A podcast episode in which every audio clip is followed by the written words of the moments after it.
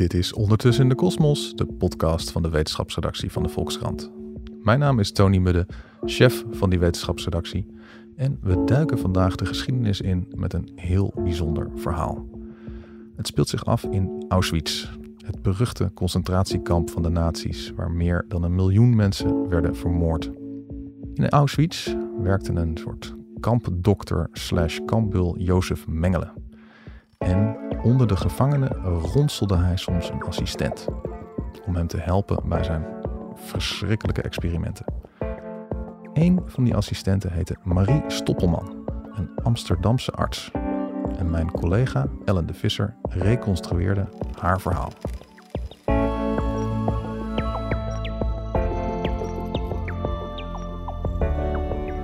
Ellen, laten we beginnen met de bekendste hoofdpersoon uit je verhaal, Jozef Mengele.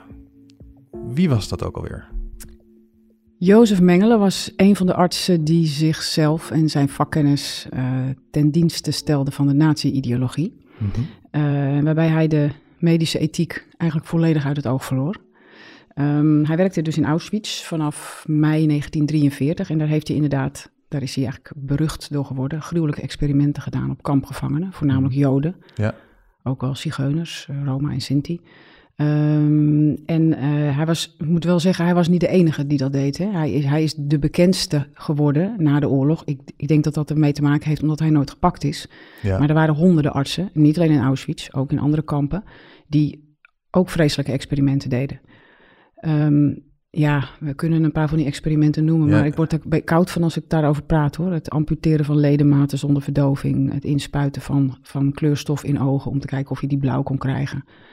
Uh, ik heb een getuigenis gevonden van een jonge moeder die net bevallen was. En Mengele had haar borsten afgetaped, zodat ze geen borstvoeding kon, kon geven. En zodat hij wilde kijken hoe lang het duurde voordat het kindje overleed. Ja, Waarom zei dat in hemelsnaam? Ja, weet je, het, het, het adagium was toen gewoon probeer maar. Ja, ja. Uh, ja, je zou nu niet eens voor een dierproef langs de ethische commissie komen, maar toen kon gewoon alles. Ja. En Mengele was ook de man, daar is hij ook wel bekend uh, door geworden, die op het perron van Auschwitz-Birkenau, waar de treinen binnenkwamen, de mhm. selecties uitvoerde. En dan stond hij dan altijd met gepoetste laarzen en witte handschoentjes aan, te wuiven.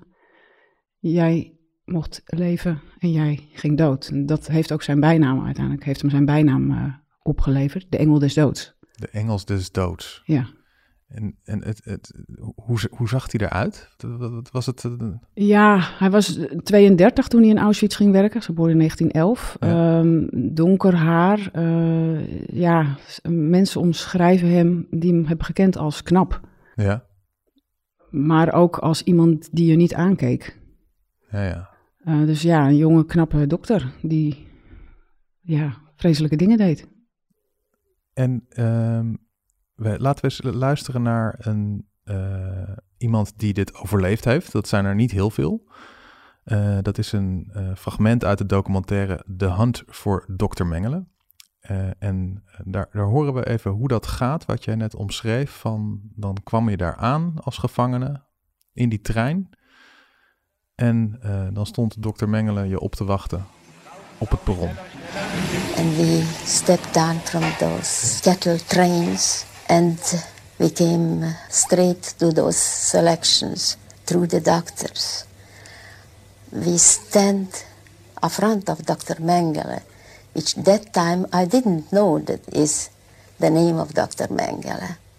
He pointed out with his thumb, one to the right, one to the left.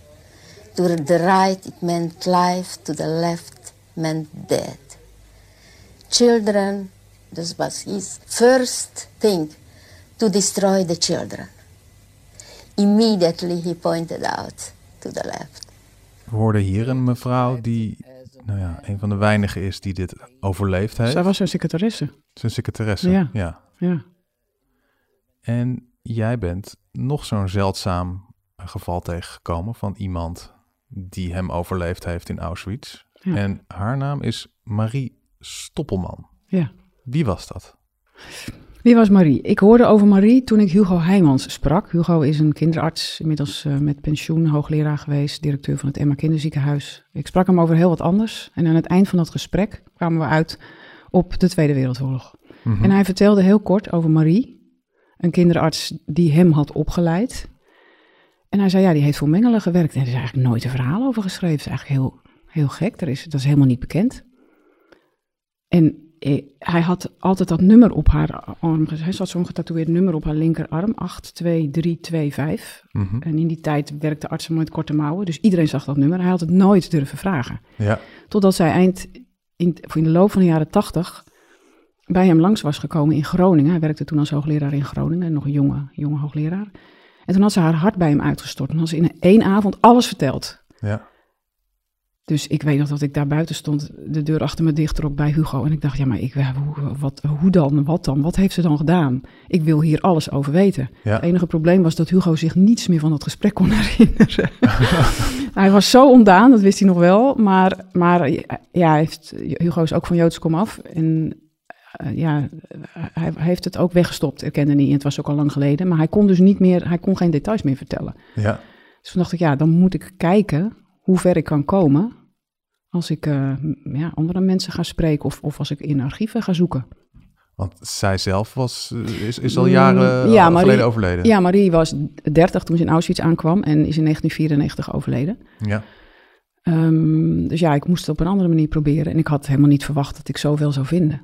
Want hoe ben je, waar heb je informatie over haar gevonden? Nou ja, ik heb uiteindelijk naast Hugo nog drie andere collega's van haar gesproken. Maar dat waren allemaal jonge broekies. Hè. Die kende Marie eh, uit de jaren zestig, uit het, toen nog het binnengasthuis. Eh, zij heeft hen opgeleid, maar die kon alleen maar vertellen over hoe ze toen was. Mhm. Ik moest natuurlijk ook dingen hebben van, ja, wat was er dan met haar gebeurd? Ja. Nou ja, daar hebben we de archieven voor. En die zijn, eh, ja, daar, er is nog zoveel bewaard, maar niet op één plek. Dus ik vond eh, in het Amerikaanse Holocaust Memorial Museum eh, de transportlijsten, de transportlijsten van Westerbork. Nou, Marie blijkt daar in de strafbarak te hebben gezeten bijvoorbeeld. Dan zie je precies wanneer ze eruit komt. Mhm. Eh, ik vond in het, Adelsen, het Baat Adelsen archief eh, de registratiekaart van de Joodse Raad. En verder was het Nationaal Archief in Den Haag. Daar vond ik veel. En ook bij het NIOT in, in Amsterdam, daar vond ik veel. Eh, en zij blijkt dus na de oorlog vijf keer een verklaring te hebben afgelegd over Mengelen. En over haar tijd in Auschwitz. En dat eh, heeft ze nou, best wel gedetailleerd gedaan. Dus je, ik kon op een gegeven moment gaan reconstrueren eh, wat zij had meegemaakt. En uiteindelijk kreeg ik nog van een deskundige de tip om het Bundesarchief in Duitsland aan te schrijven. Mhm. En daar, die stuurde me uiteindelijk nog, eh, ik heb in mijn beste Duits natuurlijk, Ja. dat helpt zeggen ze als je goed Duits, mooi bij Duitse mail opstelt. Ja. Die stuurde mij nog twee van haar verklaringen, één uit 1959 en één uit 1973. Dus toen had ik, Ja, Dan heb je dus eigenlijk ook gewoon in haar eigen woorden ja, hoe ze dat... hoe ze dat eh, Ervaren heeft, ervaren heeft. Ja. En eh, zeg maar nog even voordat ze eh, werd meegenomen naar Auschwitz. Wat, wat voor type vrouw was dit? Was zij...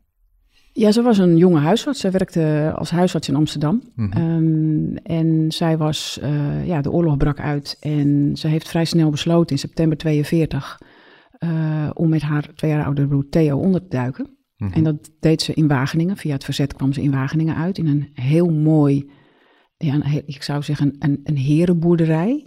Ik ben er geweest. Ja. Ehm, het is een prachtige plek, eh, de- een doodlopende weg, eh, zeg maar uitzicht op de Rijn. Zodat je het onraad Dus- van verre kan zien Ja, aankomen. absoluut. Ja. Dus dat was een hele veilige plek. Ze, ze woonden daarin bij een tweeling, eh, Neeltje en Eltien Krijten, die allebei in het verzet zaten. Die werkte op de Landbouwhogeschool in Wageningen. Mhm. En eh, die vormden met z'n vier een soort huishouden. Eh, die twee vrouwen die gingen overdag naar, de, naar Wageningen, naar eh, de universiteit. En zij deden het huishouden. En ze werkten ook wel, wel aan, want aantekeningen uit van die, van die twee vrouwen. Die deden plantjes en stekken en pootaardappelen en allemaal. Er zijn nog schriftjes bewaard. Ja. Die heb ik gevonden van die twee vrouwen. En dus, ja, dat zou best het handschrift van Marie nog kunnen zijn, die daar al die dingetjes heeft uitgewerkt.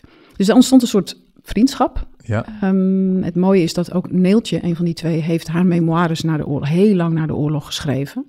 En die liggen bewaard in een museum in Wageningen. Dus die heb ik ook gevonden en gelezen. Dus daardoor kon ik van twee kanten het verhaal eh, een beetje vertellen.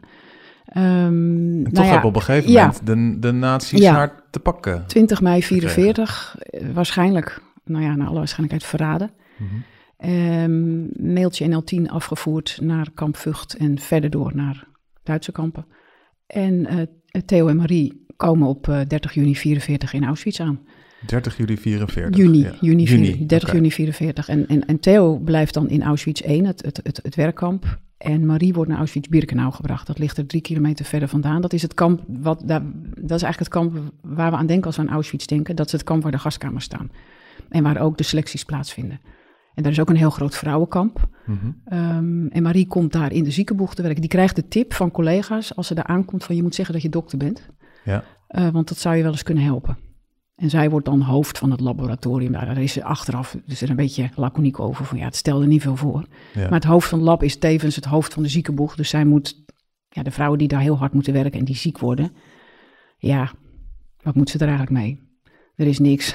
En, en, dat was, Nee. en zij had eigenlijk dus wel door van ja, eh, het is of de gaskamer of, of ik word laborante voor, eh, voor de nazi's ja, hier. Ik, ze heeft natuurlijk helemaal geen keus. Nee. Het is dat of niks. Ze heeft dat later wel eens tegen een collega gezegd. Het was echt Russische roulette elke dag. Ik moest, eh, ja, als ik iets niet goed deed, dan kon het mijn kop kosten.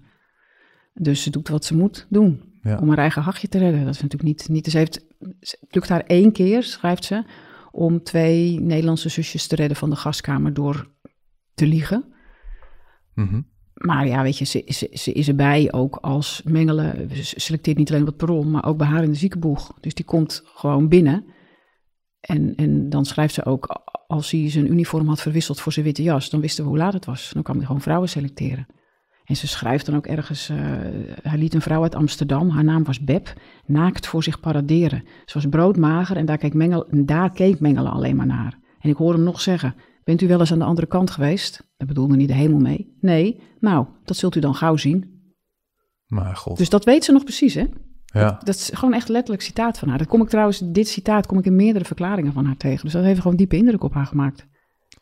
En ehm, er is ook nog een, een, een, fragment bewaard gebleven van, eh want Mengele was ook berucht om, om bepaalde tweeling-experimenten. Ja, daar was je eigenlijk het meest berucht Hij had een fascinatie met tweelingen. Wa- Ja. Waarom eigenlijk? Nou ja, kijk, die experimenten in die kampen, die, die, die werden gedaan om de oorlogsvoering te verbeteren. Ook wel om medicijnen uit te testen, maar het had heel erg met rassenleer te maken. Hè, de, de experimenten stonden in dienst van de rassenwetenschap. Eh, nazi's streefden naar één superieur volk. Ja. Ja, dan heb je dus, dan ga je op zoek naar DNA en verschillen tussen mensen. Nou ja, dat was, dat, daar heeft Marie trouwens niet aan meegewerkt hoor, aan die tweelingexperimenten. Dat moeten we wel even bijzeggen. Nou, maar dan eh, weten we nu dat ze daar niet aan specifiek Nee, meegemaakt. nee. Maar laten we wel eens naar zo'n fragment horen van eh, wel iemand van zo'n tweeling die dit heeft meegemaakt. En die vertelt over eh, hoe zo'n experiment ging. that I was reduced to the lowest form of human existence, just a mass of breathing cells.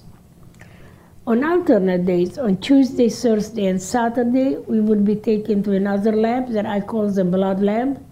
There, they would tie both of my arms to restrict the blood flow, take a lot of blood from my left arm, and give me a minimum of five injections into my right arm.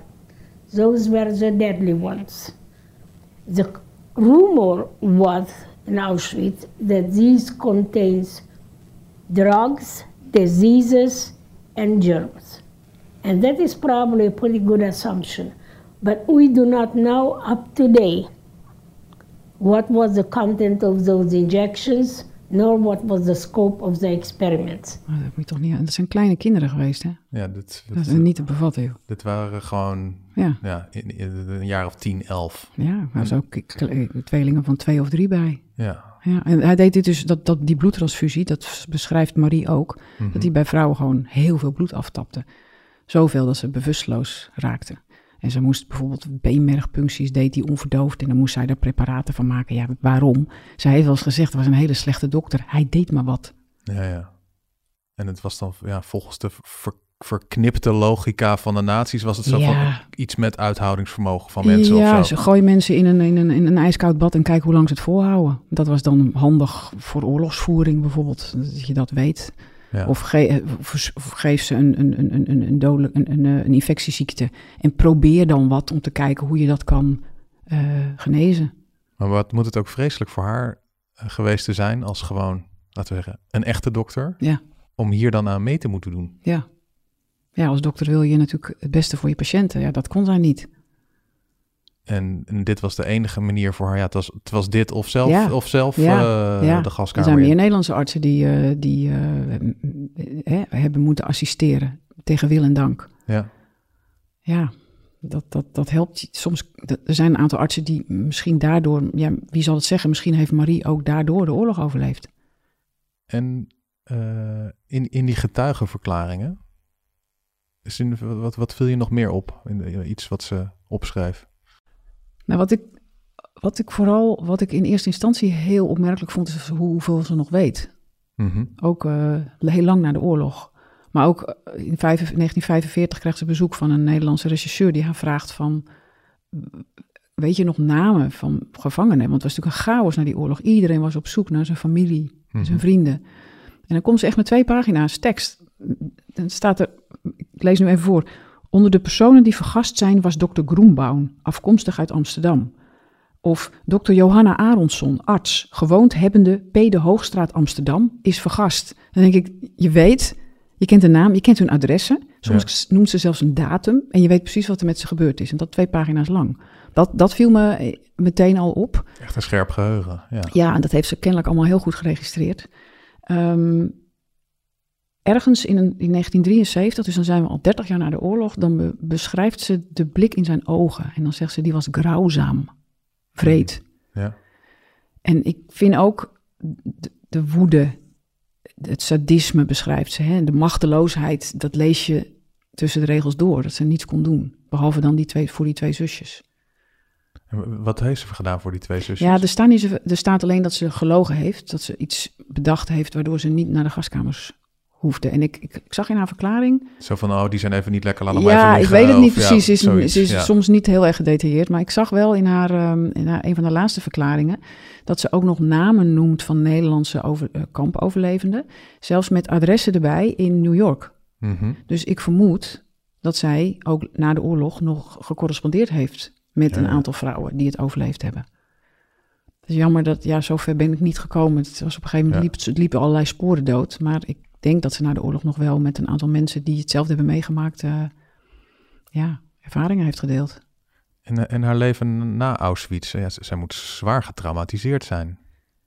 Ja, ze was in eerste, toen ze de Russen Auschwitz kwamen bevrijden, was ze echt meer dood dan levend. Uh, ze had TB, uh, ze had geen spierkracht meer. Ze heeft maanden in het ziekenhuis gelegen om daar aan te sterken. Mm um, ze is pas in juli 45 naar Nederland teruggekomen.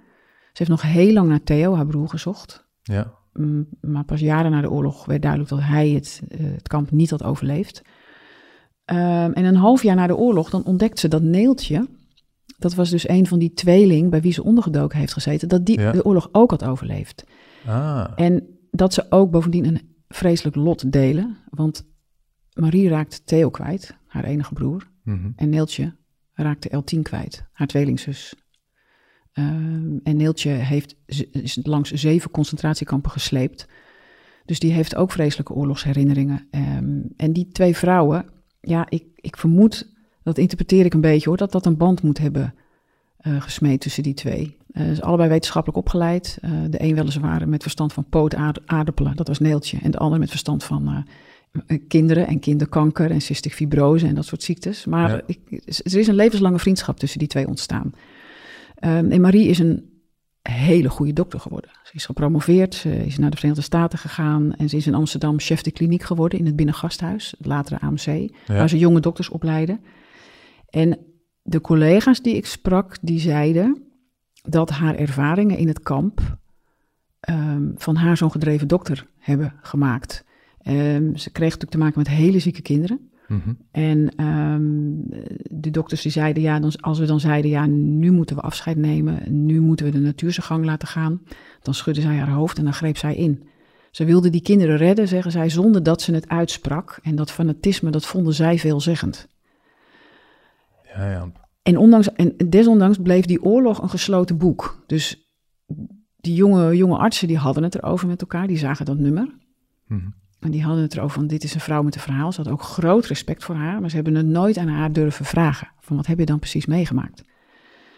En ja, ik, denk dat dat wel tekenend was voor die tijd. Hè. Veel overlevenden praten niet over hun, hun, uh, hun ervaringen. Dat is, ja, ik weet, ik heb ooit een dominee gesproken. Dat ging dan over mijn eigen opa en oma. En die zei: Als een trauma te groot wordt, kan de stilte beschermen. En dat is natuurlijk precies wat hier aan de hand was. Ja Je, je sluit het boek en je denkt er niet meer aan in de hoop dat het je dan ook een beetje met rust laat. En je beschrijft in je, in je verhaal in de Volkskrant dat het dus, geloof ik, één keer toen kwam er een, een Duits sprekende arts. Hè? En toen werd, toen, toen, werd het er even te veel. Ja, er was een Zwitser en die, die werd in consult geroepen bij een jongetje met een botinfectie, geloof ik, mhm. door een van de jonge dokters. En toen hoorden ze Duits praten. En ze heeft die man echt bij kop en kont gepakt. Ze moesten zijn witte jas nog nabrengen, zei Hugo Heijmans. die man was helemaal verbouwereerd.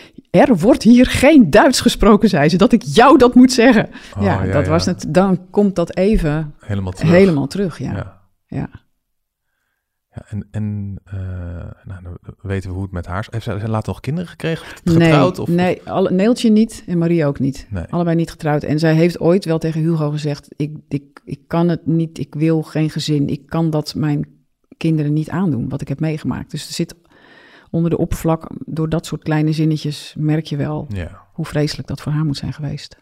En dan al die getuigenverklaringen, zo van... Nou, Mengele heeft dit en dit allemaal gedaan... Uh, Ik heb het allemaal gezien. Uh, toen is er een soort jacht begonnen, denk ik, op mengelen. Van, ja. die gaan we pakken. Ja, nou ja, dat was pas heel laat dat die jacht was begonnen. Hij is de eerste jaren, is hij, heeft hij gewoon is teruggekeerd naar zijn eigen geboortedorp.